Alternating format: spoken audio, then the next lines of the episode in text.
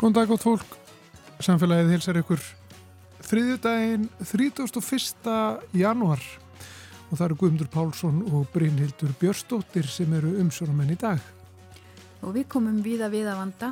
Um, við ætlum að uh, fjalla aðeins um uh, MeToo-byltinguna en það eru rúm 6 ár síðan hún skók heimsbyggðina og það er hverki ót séð um þau áhrif sem að þessi byltingum mun hafa eða hefur kannski allt og lítið breyst með að við ólgunum sem ríkti í þessum málaflokki höstu 2017 og, og hvað breytist og hvernig. Uh, Nanna Lín Haldurstóttir, nýdoktor á hugvísindarsviði Háskóla Íslands, eh, er, kemur til okkar og segir okkur frá verkefninu Flæðandi siðfræði, Feminisk siðfræði og MeToo en þetta verkefni hlaut nýverið styrk frá Rannís. Nú startaði við Reykjavíkuleikar en um, það er vettvangur fyrir Íslandst íþróttafólk til að hitta annað íþróttafólk víða aður heiminum og keppa í fjölbreyttum íþróttagreinum. Allt frá handbólta til klifurs og pílukasti til tölvuleikja.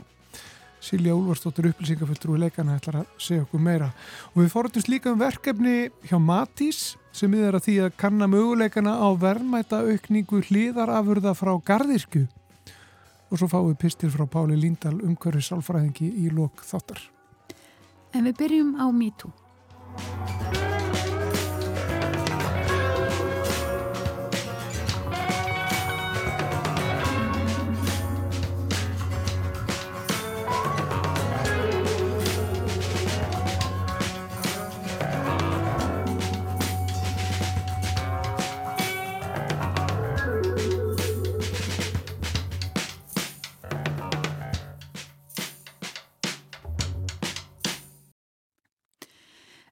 Um, já, það eru rúm 6 ár síðan MeToo-byltingin skók heimsbyðina og uh, við erum sennilega öll uh, freka meðvituð um það að hún átti sér stað og uh, að hún hafði tölverð áhrif. Og núna í fyrra og hitti fyrra þá kom upp önnur bylgja MeToo á Íslandi sem að hérna líka hafði heilmikil áhrif og vakti miklu aðtegli Um, Nanna Hlín Haldurstóttir, Eija Margret Jóhannu Brynjarstóttir og fleiri uh, fengu nýverið styrk frá Rannís fyrir verkefninu Flæðandi siðfræði, Feminisk siðfræði og MeToo og Nanna Hlín er komin hinga til okkar, verður velkomin Nanna Hlín.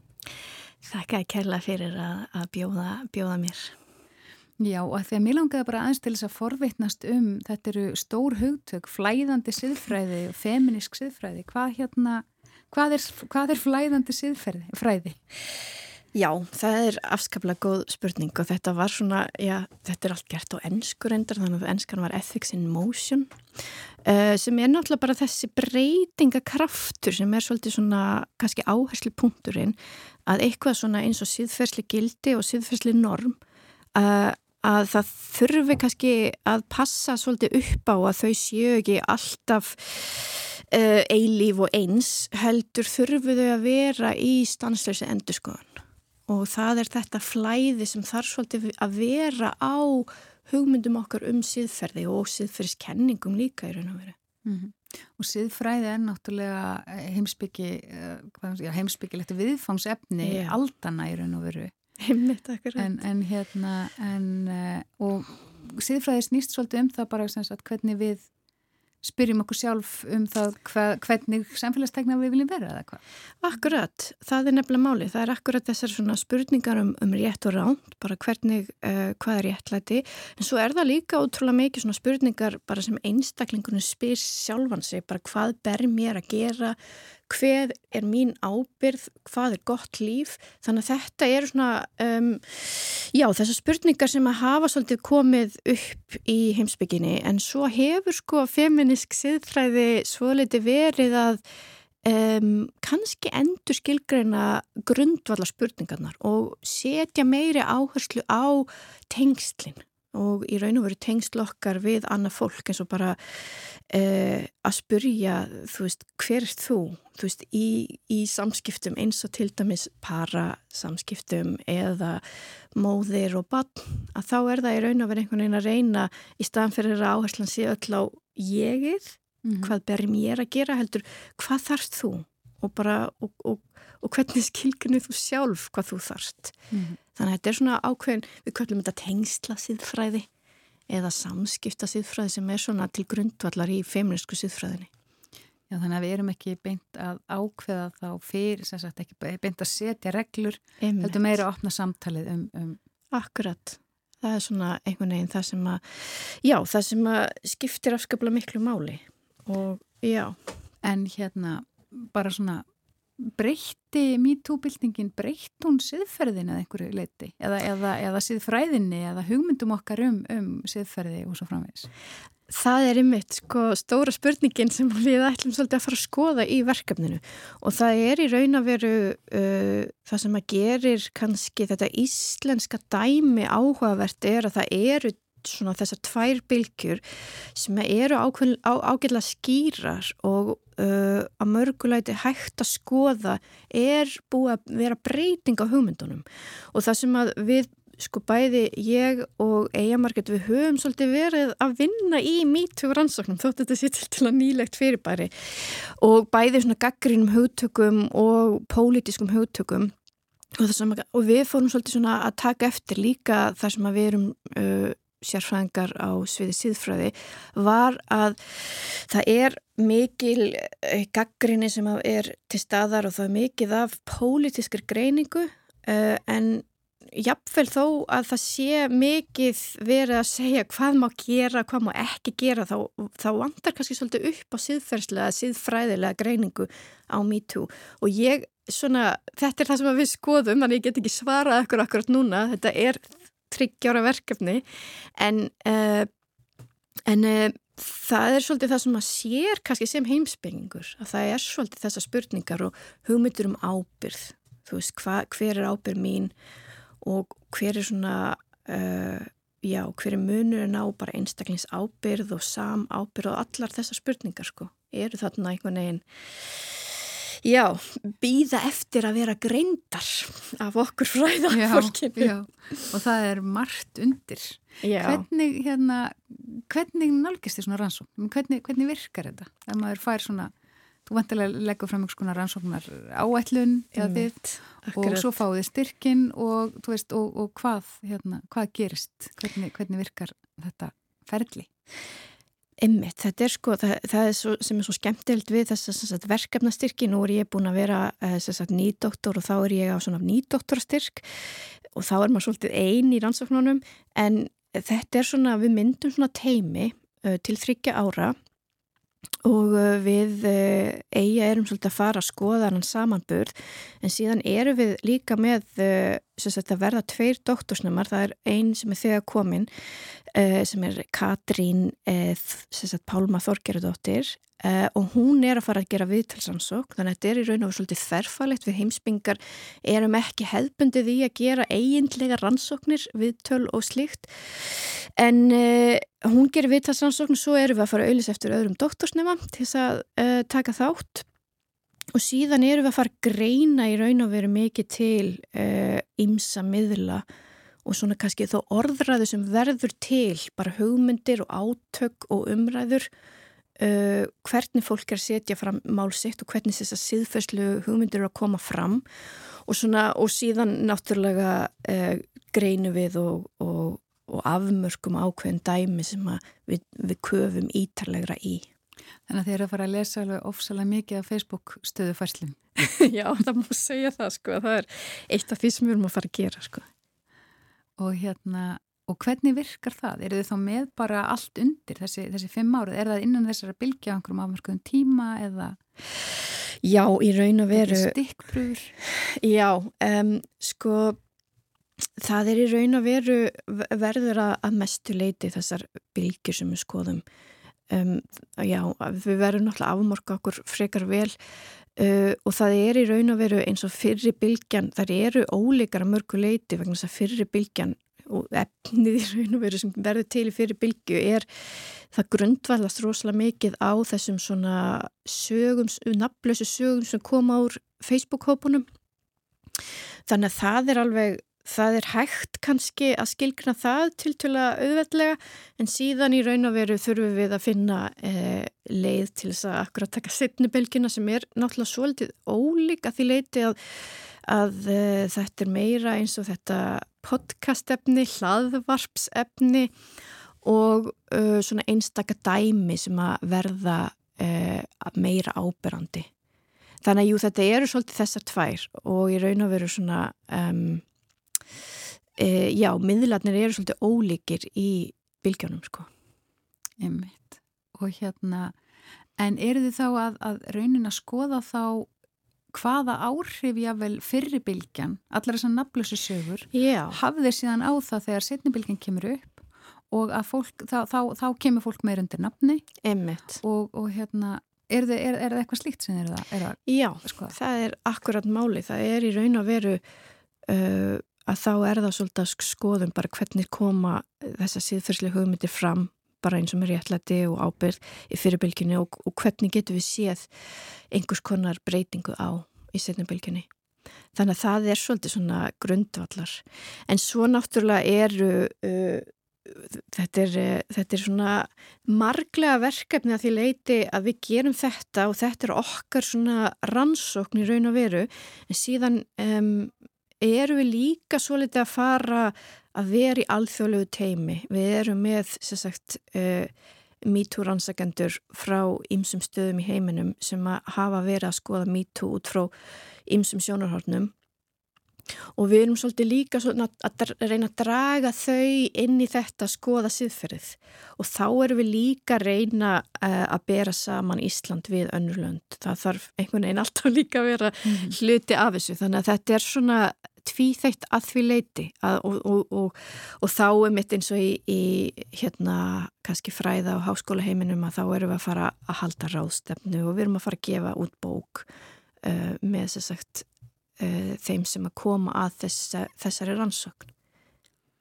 En nú hefur hugtakið ábyrð dálti verið ábyrjandi í MeToo. Ekki einmitt. bara að fólk fá að segja söguna sínar, heldur líka að, hérna, að, að fólk sem, sagt, sem að ber ábyrð á einhverjum, hvað ég má segja, skada sem að aðri verða fyrir, hvernig er hægt að axla þá ábyrð? Er það eitthvað sem þið eruð að skoða hvernig Já, horfir einmitt. það við siðfræðinu og, siðfræðinu og sérstaklega, sérstaklega þessari tengsla siðfræði þar sem að þú berða ábyrð á öðrum en ekki bara því sem þið finnst sjálfri rétt? Akkurat, jú, það er alveg til grundvallar og líka í raun og veru þá þörmar alltaf að skoða bara einhvern veginn hvað er svari við ábyrð út af því við erum með síðfræði verkefni, þetta er ekki, þess að höfum hugmyndir um lagalegt ábyrð og þetta er kannski náttúrulega ekki verkefni sem skoða það að miklu leiti heldur er í ábyrð starra hugtak. Og það er alveg oft sko erfiðara að skilgreina að síðferðslega ábyrð heldur en lagalega ábyrð sem er náttúrulega laga bókstafur tilum Um, og það er kannski með það sem að sér mjög mikið í þessari líka, við getum kallað þetta fjórðu bylgi feminisma, er að það er svolítið svona viðsnúningur á ábyrðahugtöginu út af því það kemur fram náttúrulega þessar hugmyndir sem er druslugöngunum að uh, hún var að kalla eftir þessu. Og þá í raun og veru er verið að setja ábyrðana svolítið á manneskina bara, þú veist, uh, hún þarf að aðtuga hvernig hún klæðir sig. Og það þýðir ef hún klætti sig glennulega að þá ber hún að einhverju leiti ábyrð þú veist þetta er raun og veru hugmyndum ábyrð og uh, það kemur fram þessi gaggrinni á þetta og segja bara nei það má klæði sig og alls konar hátt. Það þýðir ekki að þú þurfir að taka ábyrðin á þig. Og þá er það í raun og veru þú veist hver eh, sem sagt olli ofbeldi sem að er þarna þá það sem við þurfum að skoða miklu betur og gera skýrar í staðan fyrir einhvern veginn að, að koma með þessar hugmyndur um ábyrð að, að þú sérst að bjóða upp á eitthvað. Mm -hmm. En það er til dæmis, já, það er svona svolítið stort og mikilvægt dæmi held ég í svona feminískum aktivism og fræðum. Mm -hmm. En það er nefnilega, maður upplifa það svolítið í, í samfélagsumræðinni að það sé svolítið flókið að taka þessa ábyrð. Jáfnvel þó að þeir sem að eru kallaðir til ábyrðar vilji takana eða reyni einhvern veginn að takana það reynist vera flókið og við höfum kannski ekki aðferðafræði til þess heldur. Um mitt akkurat. Það er nefnilega málið sko. Og það er líka það sem við höfum verið að skoða svolítið og tala um er, er sko að um hvað fælst í því að taka ábyrð og það er mikið að gaggarinn sem hefur komið fram hefur svolítið gengið út á að þetta sé kannski einhver síndarmennska og þetta gengur, þú veist, þess að fyrst í setni bylgjan, hún gengur svolítið mikið út af þetta þennan ofinbera vettfangi, raun og hvað er að gerast þá sem ofinbera vettfangi og þá er í raun og veru spurningin svolítið bara hvað fælst í því að ganga að taka, að taka ábyrð og þú veist, og svona út frá þessum feminísku fræðum, þá er þetta alveg áhugavert að því leiti sko að, að ég myndi segja það að taka ábyrð sér tilfinningavinna. Þú þarfst að bera ábyrð á þinn eigin tilfinningum og þú þarfst að bera ábyrð á þinn eigin svona sjálfsvinnu eða sálfræðilegu vinnu. Og spurningin er svolítið, eru gerendur að gera það? Uh, og þetta er eitthvað sem svona hefbundið hefur verið í verkarinn kvenna og spurningin er bara, á það að vera í verkarinn kvenna? Já, það kannski að vera eitthvað sem að við deilum jafnar á milli alls fólks í samfélaginu er bara einhvern veginn að, að byrja ábyrða sína eigin tilfinningavinnu til að byrja með Já, einmitt. Og svo er náttúrulega líka hvernig á að meta hana og, og, og leggja, leggja mat á hvað er hvað er nóg og svo framvegis. Já, nákvæmlega, einmitt. Já, þannig að þetta er svolítið svona, þetta, þetta, þetta, er, þetta er margslungið og flókið. Já, þetta er það. Já, og þið ætlaði að sökku ykkur í þetta í næstu þrjú árin. Já, akkurat. Hérna, Við erum að fara að byrja svona með haustinu, þá byrjar verkefni, þannig að þá verður þetta hérna akkurat spannar þrjú ár eftir það. Einmitt. Um, og það verða ráðstefnur og bók yes. og þau munuð kynna þetta vel allt saman þegar það kemur. Já, einmitt akkurat við gerum það. Akkurat.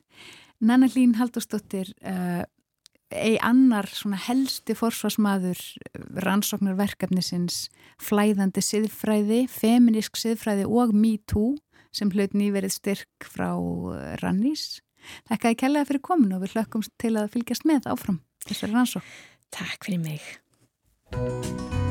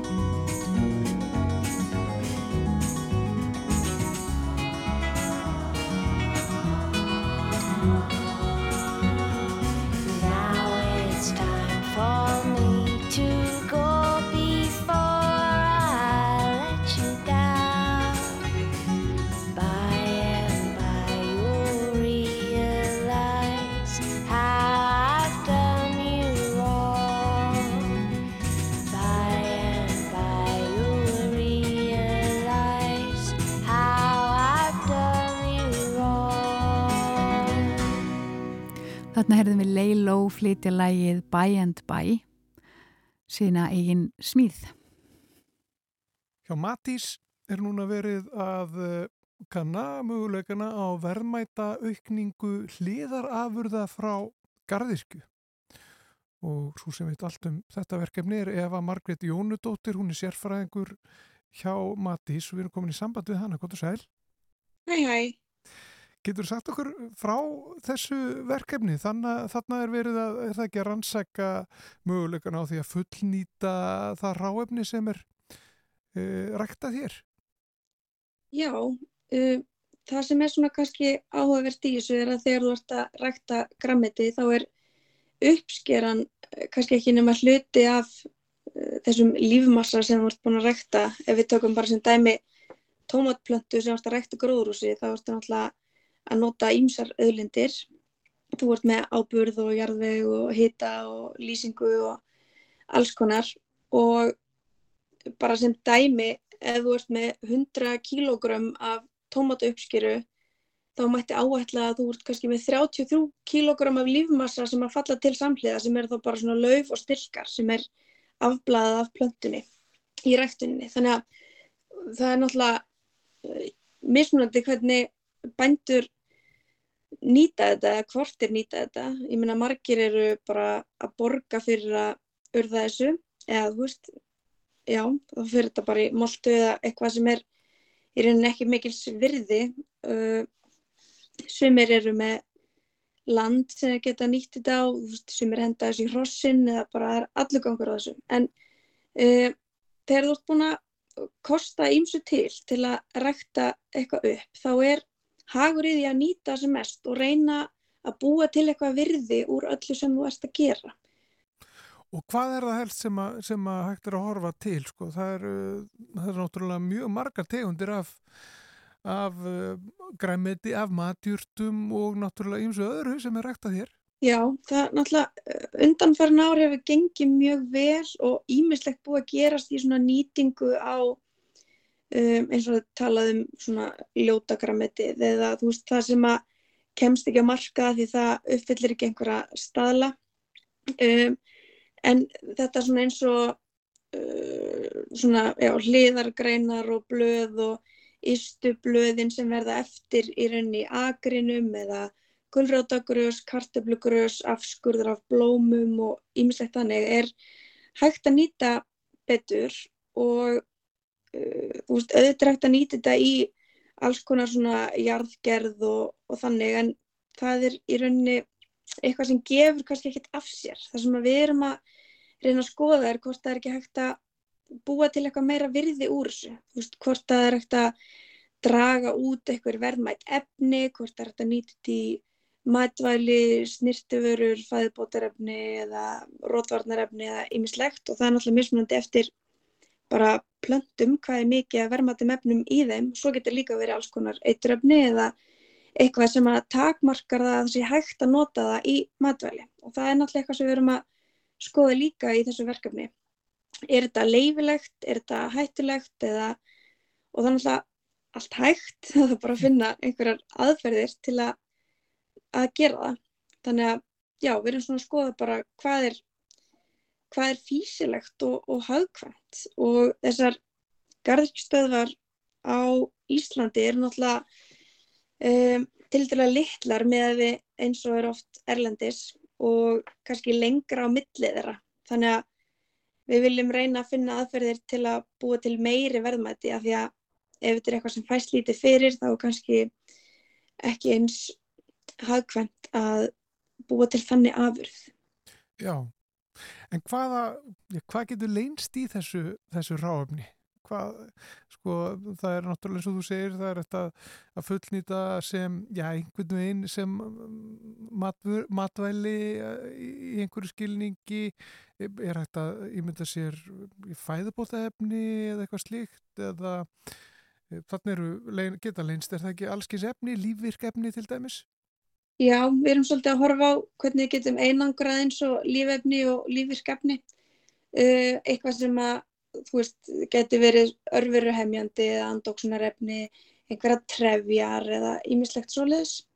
Já, og það eru ímist tækifæri, er það ekki þar og það er verið að vinna náttúrulega með, með slíka efni hér uh, ja, viða, er það ekki? Jú, algjörlega, algjörlega og náttúrulega bara vonin er svo að þetta bara skapi ný atvinnutækifæri í framtíðinni og auki líka virði hjá gardirkjubændum að þeir fái meira fyrir það sem þeir eru að framlega.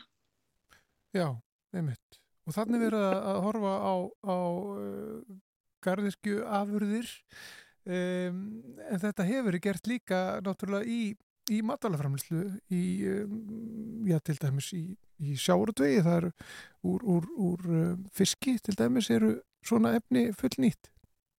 Algjörlega, við erum kannski komin svona hvað lengst þar í nýtingu á, uh, já, svona full nýtingu.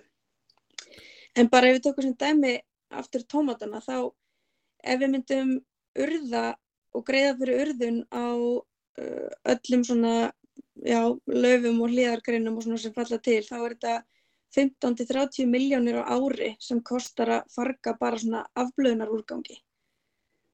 Þannig að ef það er hægt að fá eitthvað fyrir það, þá er það strax ekki bara spartnaður heldur líka virðisveikning. Já, og hvernig fer þessi rannsók fram? Er, er fólk bara með uh, þessar afröður bara í höndunum bara bókstælega? Er verið að, að rýna, í skoða blöð og stilka og hakka þetta niður og reyna einangra ykkur efni? Er þetta bara svona alveg bara, fólk er bara með þetta í höndunum? Já, algjörlega. Við erum sagt, að vinna þetta bæði með orkidegu og svo bændarsamtökum Íslands og við erum búin að vera að sapna sínum frá garðskjöpendum þeir að vera að senda okkur upp á Matís og við erum verið að sækja uh, og við erum að gera efnamælingar á þessu og við erum líka að horfa í vöruþróun hvort við getum framleitt einhverjar vörur úr þessum hlýðarafverðum og þau á orkidegu hafa verið að skoða svona, eða gera svona áhættu greiningu þú veist, hvar eru takmarkandi efni eins og bara í tómatplöntunni geta verið sólanín og tómatín og eitthvað sem að gera það verkum að það má ekki nota þetta í matvæli af því það eru eitur efni þannig að það er einhvern veginn að reyna að draga út þessi verðmættu efni og koma í veg fyrir að, hitt fylgi með. En eins og uh, bara efni sem eru nótuð hérna í uh, í rektun á, á uh, græmiti til dæmis og blómum náttúrulega, þú nefndi þau nú áðan er þetta ekki, ég menna það, það er eitur er notað og það er notað svona ímis varnarhefni Já, sko í dag má bara kalla þetta plöttu varnarhefni, það má vist ekki segja eitur lengur en, og það er líka bara mjög mismunandi eftir græmitstegundum með mitt hvað er verið að nota mikið af þessum plöttu varnarhefnum og það er náttúrulega minna í gróðrúsunum heldur en í uh, útiræktunni og það er einmitt eitthvað sem að fylgir þessari áhættu greiningu og að skoða skoða það. Já. Þetta er stórt og mikið verkefni eða ekki? Þetta, er, þetta tekur svolítið tíma og þetta kostar peninga? Já, við erum uh, í, með ár núna sem við erum að vinna í þessu. Uh, við fengum 20 miljónir frá matválasjóð núna uh, um daginn til að skoða þetta og við erum uh, byrjuð, við erum ekki í rauninni komin með neinar svona niðurstöður til að byrta ennþá. Við erum bara en þá að sapna sínum og gera mælingar og finna aðferðir og svona. Já. Þannig að það vonandi kemur eitthvað gott úr þessu sem er ekkert að nýta áfram.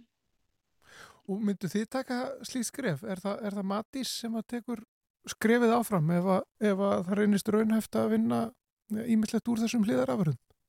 Eh, það er þá kannski meira í samstarfi við aðra, við erum kannski ekki beinta hérna Uh, stendur ekki til að við séum að fara að sapna hliðarafyrðum og búa til einhverja vörur en allar þessar rannsóknir sem við erum að gera þetta er allt eitthvað sem að verður opið og eitthvað bara sem að allir geta nýtt sér. Hvenar gerir þið nú ráð fyrir að, að þetta líki allt sama fyrir? að, að gögnin séu komin í hús og, og, og það sé bara að vita það er eh, hérna það er svona mikil vermætti sem að leynast hér í, í úrgangi sem annars er, er fargað. Já, allir við getum ekki sagt að við séum komið með eitthvað í hendunar í oktober. Allir við verðum þó ekki búin að byrta eitthvað. Já, þá kannski heyrustu bara í oktober, er það ekki? Jú, er það ekki. Þá er eitthvað, eitthvað að segja frá meira. Já, ljómandi gott. Eva Margret Jónudóttir, sérfræðingur hjá Matís. Eh, takk fyrir spjallið. Eh, takk fyrir að segja okkur frá þessu stóra verkefni sem snýst um uh, að skoða verðmæta aukningu hlýðar afurða frá garðisku. Takk sem er leiðis.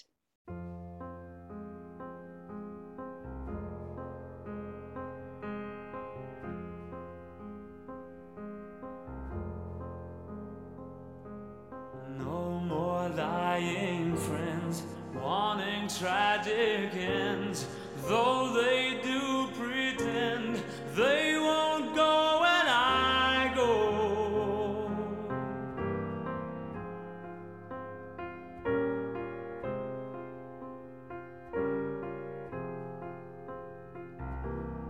All those bleeding hearts with sorrows to impart right here from the start. They won't go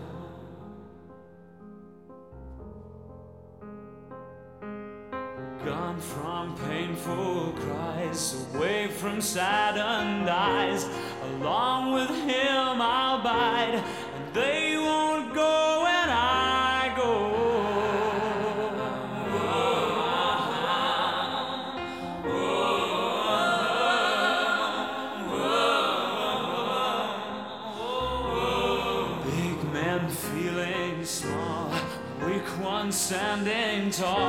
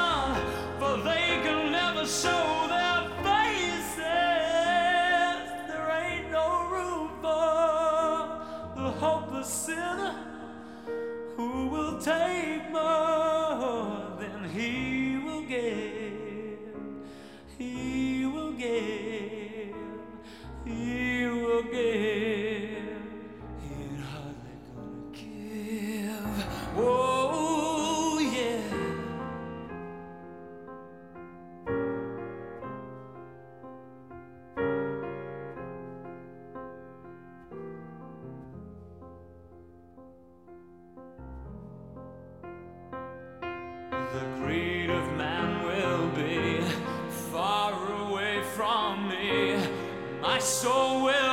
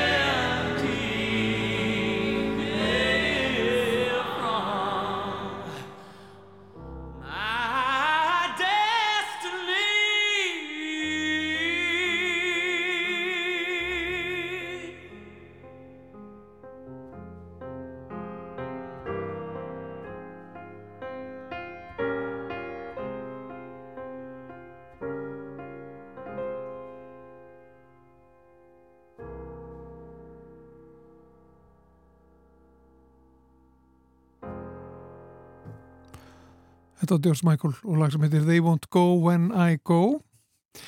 En við ætlum næst til samfélaginu að tala aðeins um uh, íþróttir. Við gerum það nú ekki oft en uh, nú er fullt tilefni til vegna þess að nú standa yfir uh, Reykjavíkuleikarnir, alþjóðlegu Reykjavíkuleikarnir. Uh, það er keft í mörgum greinum og það eru keppendur allstar að og okkur langaði til að forveitnast meira um uh, þessa þessa samkomi og erum komin í sambandi Silju Úlvarsdóttur, hún er upplýsingafulltrúi leikana, kontur sæl. Já, góðan daginn. Hvað segir þið? Það er nóg að gera núna mótið er í fullu gangi, ekki sett? Jú, það hófst sem sagt síðustu helgi á fyrstu daginn og, og það eru sem sagt 23 íþróttugreinar sem að fara fram þetta helgi, þessa tíu daga í raun og veru. Og við erum búið með 11 og það er enda 12 eftir þannig að það er nóg að gera og bara, já, hægt að fylgjast með ymsu núna næstu daga. Já, og þegar þú fylgjast með ymsu þá uh, er einmitt, það er, það er tilfellið, þetta eru margar greinar, þannig er sko klifur til dæmis eh, sem við sjáum nokkið oft í sjómarpi til dæmis sem var hægt að fylgjast með. Já, það var þetta að fylgjast með því í gær og, og, hérna, uh, og það kláraðist í gær og það var bara alveg frábær, mjög skemmtilegt að fylgjast með þessu. Og svo erum við með dansinn og hann verður með því byggni uh, á laugadaginn. Við erum með frjálsýðróttir og það er bara allt okkar besta íþróttafólk að taka þátt og svo eru bara einhverja sleggir eins og heimsmyndari í kúluvartu Kvenna að koma til landsins. Um, Keilakefnin, hún er að hérna, úrsliti fara fram núna á fyrstudaginn. Það er Norðurlandamóti í Livskautum. Pílikaskefnin verður spennandi, rafíþróttir, við erum að keppa í ralli fyrst og sinn og, og og svo meira en við erum líka með ráðstefnu sem er núna 1. og 2. februar sem heitir einmitt sport og erum að fá Véttin Hafstíðsson, Elisabeth Gunnars og, og fleiri bara, ég ætla að kalla það slekkjur, ítróttaslekkjur sem eru að koma hérna til landið til þess að um, fræða okkur hinn og, og, og svo við getum lagt að reynslu þeirra. Já, og er það alltaf uh, stór þáttur af uh, þessari samkomu, uh, ráðstefnan? Já, við höfum yfirleitt alltaf verið með ráðstöndum sem tengist íþjóðstalífinu á einn eða annan hátt, en núna erum við svolítið að fókusa á þetta sem skiptist í þrjá hluti.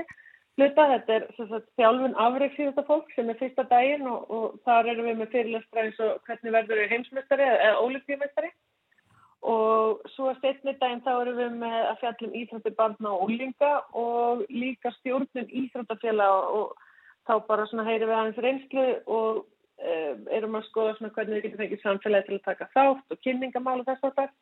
Þannig að þetta er svona á að taka utanum allt íþróttalífið má ég alveg segja.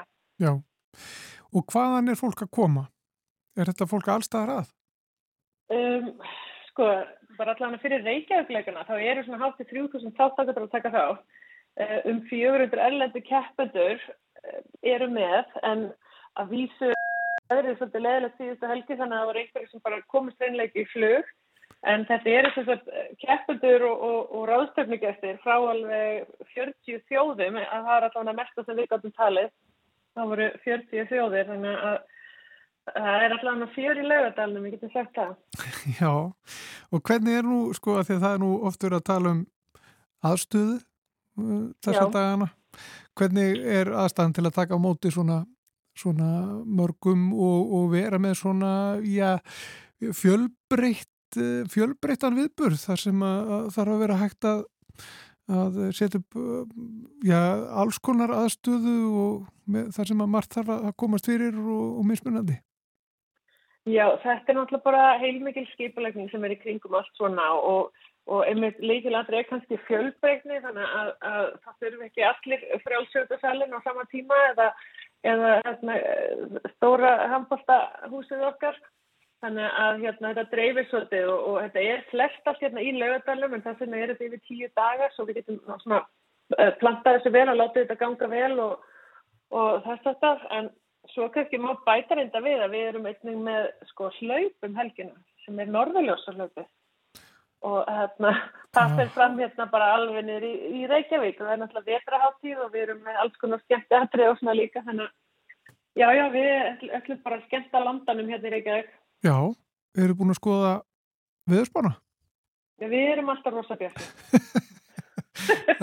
við sínist veðri að vera bara rosa fínt á þessum tíma en þetta er þetta lögadagskvöld og hefst klukkan 7 en Páll Óskar og Dóra Júlia, Díti Dóra Júlia, það ætla að hýta upp klukkan 6. Við erum með eldkleipa á allt á leðinu. Það var ekkert annað.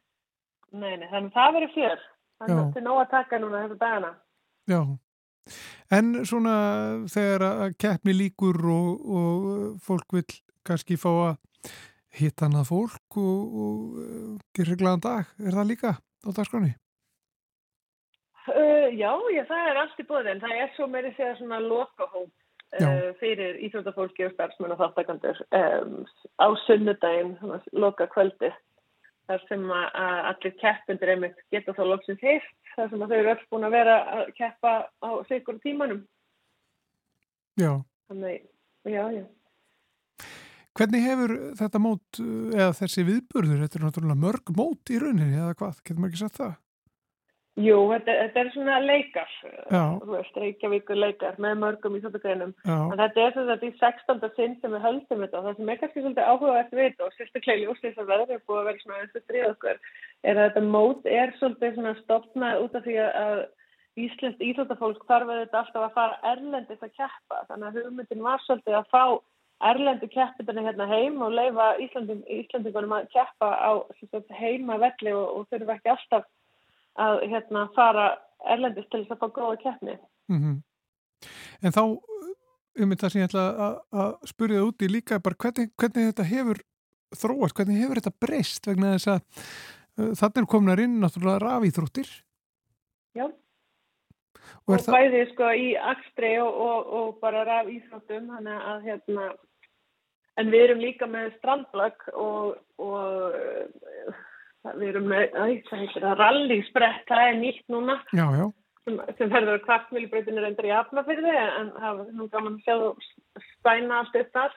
Já, það er eitthvað eitthvað sérstatt við það að keppa í strandblaki uh, um hávetur á Íslandi. Já, það, og það er bara svakalega skemmtilegt og útrúlega gaman að horfa um þetta á þann keppni og hérna Já, æ, þetta er bara svona íþrættaveysla og það er sko hægt að horfa eiginlega á flest allt svo í streymi á heimasið reykjagleikana rik.is það er þetta að finna linkin á, inn á streymi leikana þannig að já, flest allar íþrættakeinar má sýta bara heim í sofa og, og horfa streymi sko.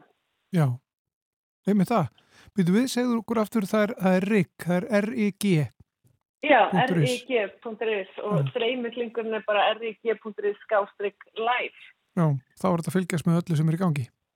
Já, og hérna, það er fint að fylgjast með þessu öllu og, og hérna, já, já. Þetta, æ, þetta er bara alveg ótrúlega gaman og það er svo gaman að kynast líka finnst mér nýjum íþróttagreinum og núna fyrsta er til dæmis uh, Norrlandamóti í skautum, það er að hefjast og er alltaf helgina og þetta er alveg rosa stórt batteri kringum að halda með Norrlandamóti, Íslandikar eigum fimm kættetur sem er að taka þátt í tímóti. Mm -hmm. Þannig að þetta er búið að vera svolítið svona líka aðeins verið að stilla sig upp sem svona smá norðurlanda keppni eins og í ólimpískun liftingum þá var eiginlega liðakeppni millir norðurlanda þar sem að um, öll norðurlandi sendist þess að tvo kalla og tvær konur til að keppa og svo var bara að hægt afreikin að tekja saman og, og þau unnu. Já, einmitt.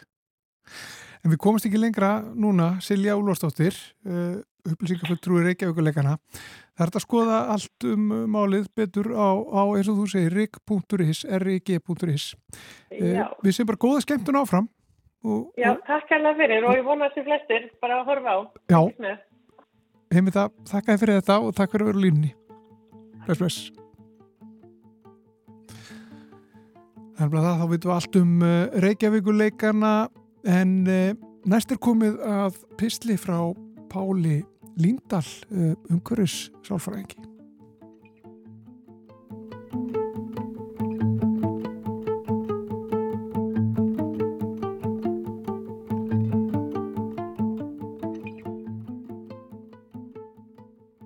Eins og áður hefur komið fram í pyslu mínum um umhverfis sálfræði hér í samfélaginu, þá hefur greinin lengi læðst með veggjum. Þó vissulega séu fleiri nú sem þekki til umhverju sálfræðinar en þegar ég fyrst uppgötta hana árið 2004 þá hýtti ég enn fólk á förnum vegi sem aldrei hefur heyrt minnst á fæið.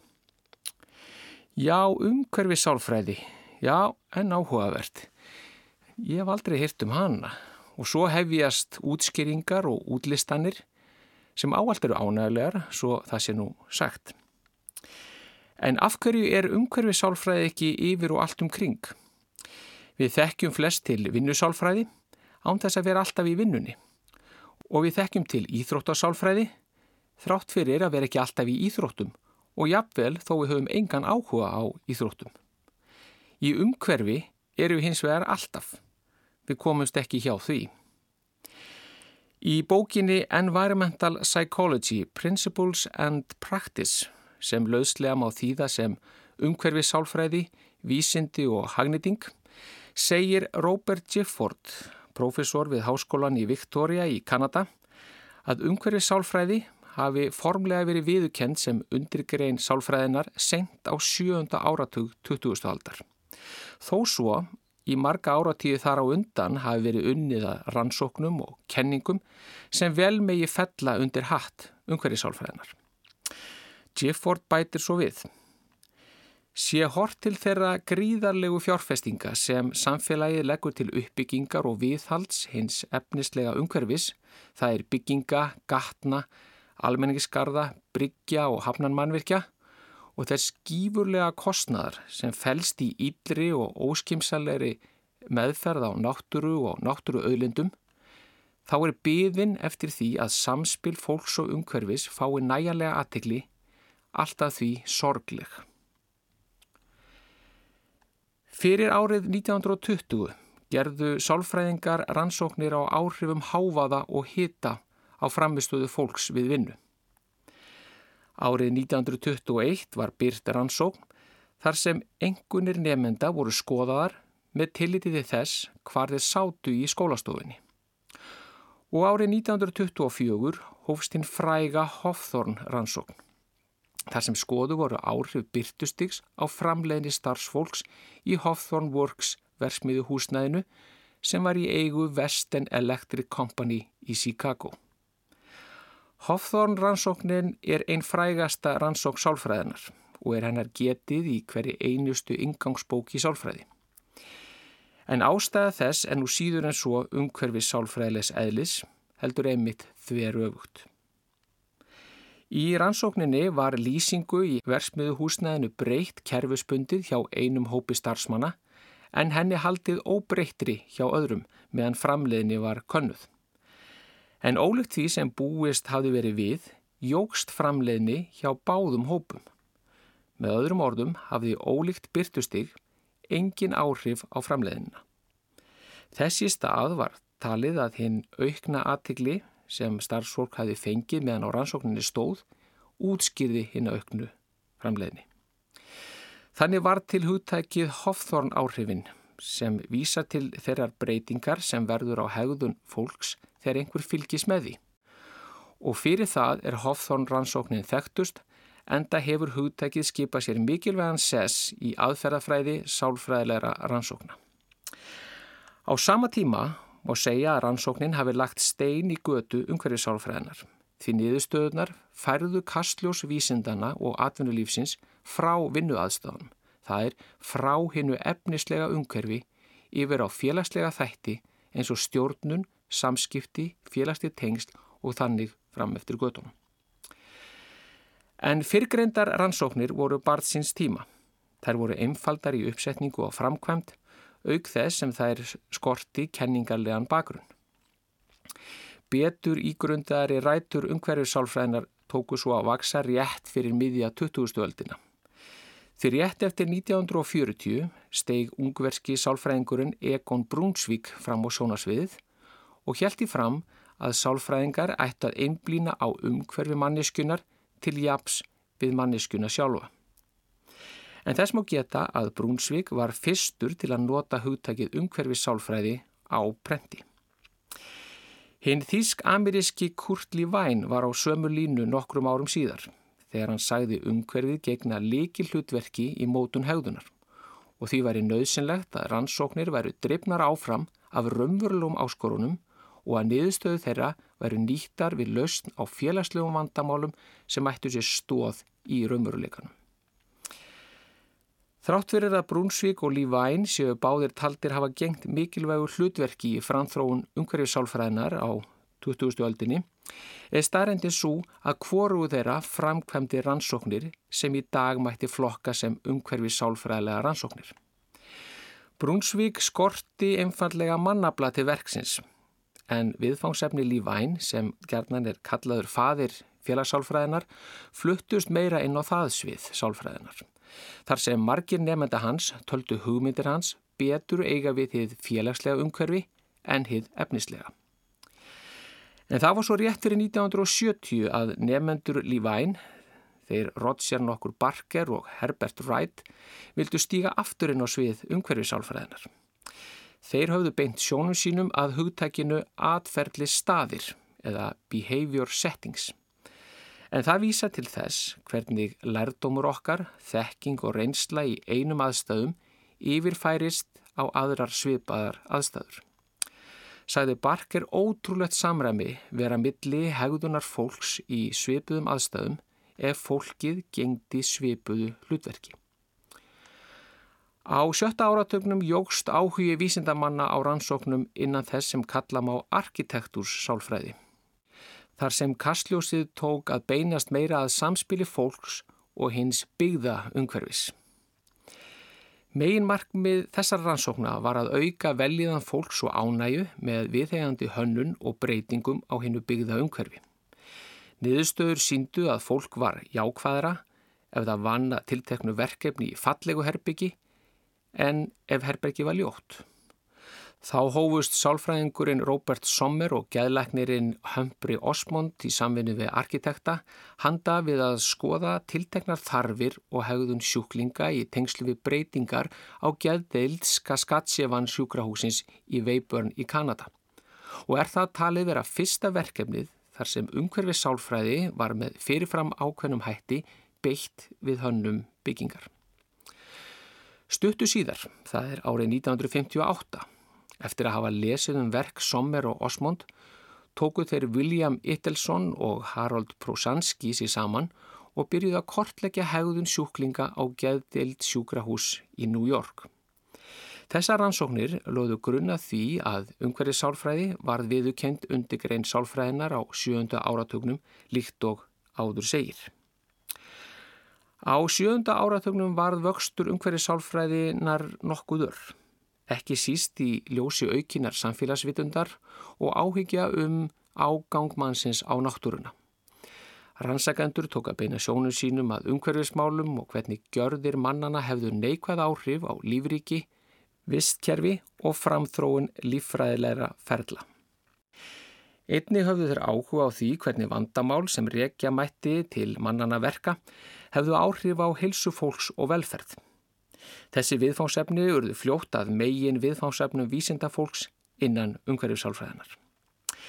Í dag er rannsóknarsvið umhverjusálfræðinar viðfemt og einblínir á manngett umhverfi og náttúru, hönnun og skipulag í stórum skala og smáum, staðbundið og á heimsvísu. Viðfósefnin nú til dags eru gríðarlega fjölbreytt og dæmu um áhersluatriði innan umhverjusálfræðina eru afleiðingar mannlegra aðtapna á vistkerfi, sjálfbærni og lofslagsbreytingar, sálfræðileg hlið auðlindastjórnunar, andleg líðan og atferðli fólks í tengslu við náttúru, staðarvennsl og staðarsamsend, streyta í efnislegu umhverfi, hönnun og mata á vinnustöðum, skólum, heimilum, ofinbjörnum byggingum og almenningsrýmum, upplifun og mat fólks á manngerðu og náttúrulegu umhverfi og svona má áfram telja. Líkt á má heyra af þessari upptalningu kemur vísenda fólk á sviði umhverfisálfræði víða við í þeirri ætlansinni að gera þennan heim að betri stað. Umhverfisálfræðin leggur fram þekkingu og reynslu, hún kemur fram með aðferðafræði og greiningu, hún getur umbylt ríkjandi hugmyndum, spyr spurninga og leitar lausna. Þegar hortið til uppbyggingar þjættbilis og umgengnu okkar við móðu náttúru og þeirra áskoruna sem við stöndum frammefyrir er augljóst að samspil fólks og umhverfis verður að vega inn í umræðuna. Yfirvöld og ákvörðunar aðlar viða um heim er að sé á mikilvægi þess að umhverfis sálfræði fái sitt rými. Sömuleiðis hafa háskólar hringin í kringum jarðarkringluna í auknum máli tekið umhverju sálfræðina upp á sína arma og komið á laginnar námskeiðum og námsbrautum tilenguðum fræðunum. Hérlendis hefur umhverju sálfræði verið kjent að einhverju marki í Landbúnarháskóla Íslands í meira en 15 ár. Námskeið í umhverju sálfræði hefur verið kjent við Sálfræði delt Háskóla Íslands allt frá árinu 2014 og nú í þessum töluðu orðum er unnið að stopnum diplomanáms í umhverju sálfræði á meistarastígi við Háskólan í Reykjavík. Þar sem sérstök áhersla verður lögð á að fljetta fræðin saman við hérna gríðarlega öflugu, þrývítar og síndarveruleika tekni. Umhverfi sálfræðin er því að reyða sér til rúms. Tanga til næst.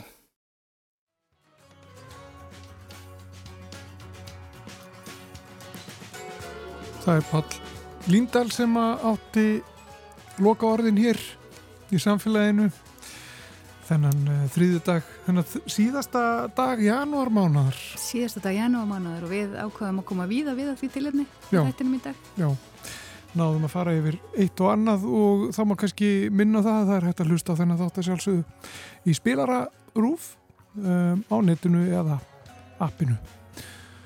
En uh, lengra komistu ekki í dag? Nei, bara þekkum góða hlustun. Verið sér.